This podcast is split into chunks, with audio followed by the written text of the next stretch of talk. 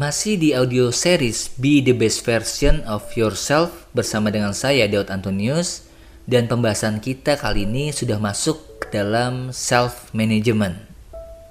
Seperti yang sudah kita ketahui bersama, salah satu hal yang menghambat kita untuk menjadi versi terbaik dari diri sendiri adalah ketakutan. Nah, ketakutan yang dimaksud di sini adalah ketakutan akan kegagalan takut terhadap sesuatu hal yang baru, atau yang lebih parahnya adalah takut terhadap komentar orang lain dan dianggap tidak sempurna atas apa yang kita lakukan. Anda, saya, dan juga orang terdekat kita mungkin sama-sama pernah mengalaminya. Padahal kunci dalam mengembangkan bakat dan potensi adalah coba aja dulu. Bisa saja di awal kita akan mengalami kesulitan dan itu hal wajar. Itu artinya kita bisa belajar hal baru yang belum kita ketahui sebelumnya.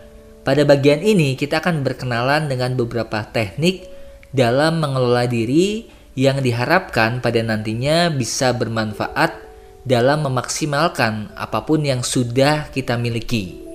Sebelum membahas lebih jauh, terdapat satu kisah klasik yang bisa memberikan gambaran kepada kita mengenai pentingnya memilih prioritas atas apa yang kita ingin dengarkan. Suatu hari di kerajaan Katak diadakan sayembara oleh Raja Katak. Pemenang dari perlombaan ini akan dinikahkan secara langsung oleh putri raja dan mewarisi tahta menjadi raja selanjutnya. Ketika perlombaan dimulai, hujan pun mulai turun dengan derasnya.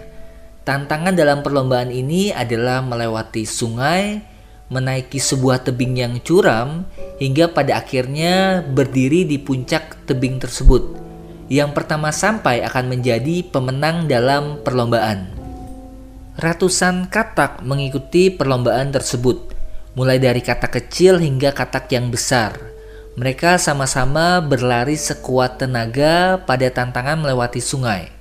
Banyak yang akhirnya gugur dan menyisakan hanya puluhan katak.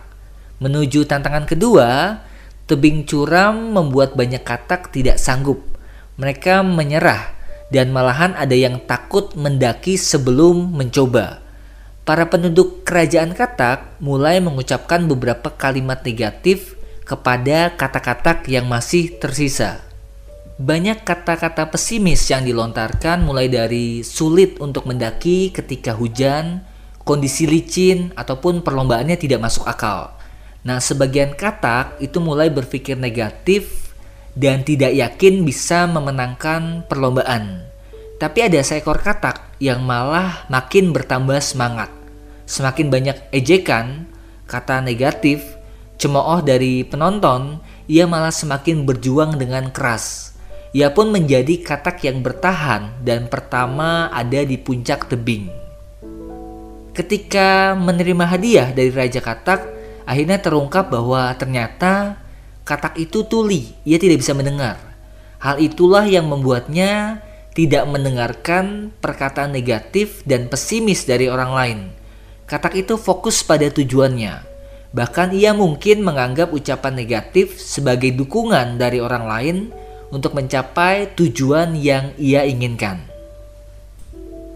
Kisah tersebut mengajarkan kita bahwa itulah yang terkadang perlu kita lakukan, yaitu menutup telinga terhadap perkataan pesimis yang menjatuhkan, serta melihatnya sebagai bentuk dukungan demi mencapai setiap tujuan.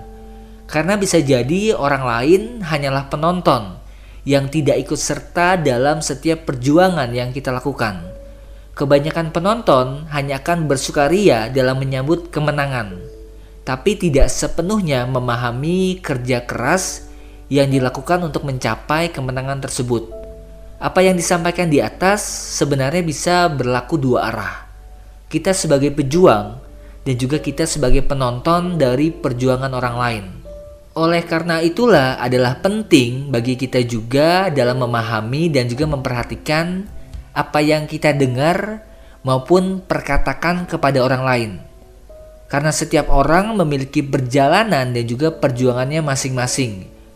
Apa yang kita serta orang lain alami akan berbeda-beda. Tidak ada pekerjaan yang terbaik, karena itu tergantung siapa yang melakukannya.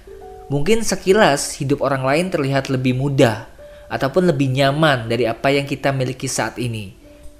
Tapi percayalah bahwa setiap orang memiliki tantangannya yang bahkan kita tidak ketahui secara mendalam. Jadi yang perlu kita lakukan adalah mensyukuri apa yang kita miliki saat ini dengan melakukan yang terbaik yang kita bisa lakukan. Karena hidup adalah kumpulan dari setiap pengalaman, proses, dan juga keputusan kita sendiri. Pilihan kita di masa lalu, masa kini, dan masa depan adalah pilihan terbaik dalam waktu tersebut. Jadi, tidak perlu menyesali apa pun yang sudah kita putuskan dan akan kita putuskan nantinya.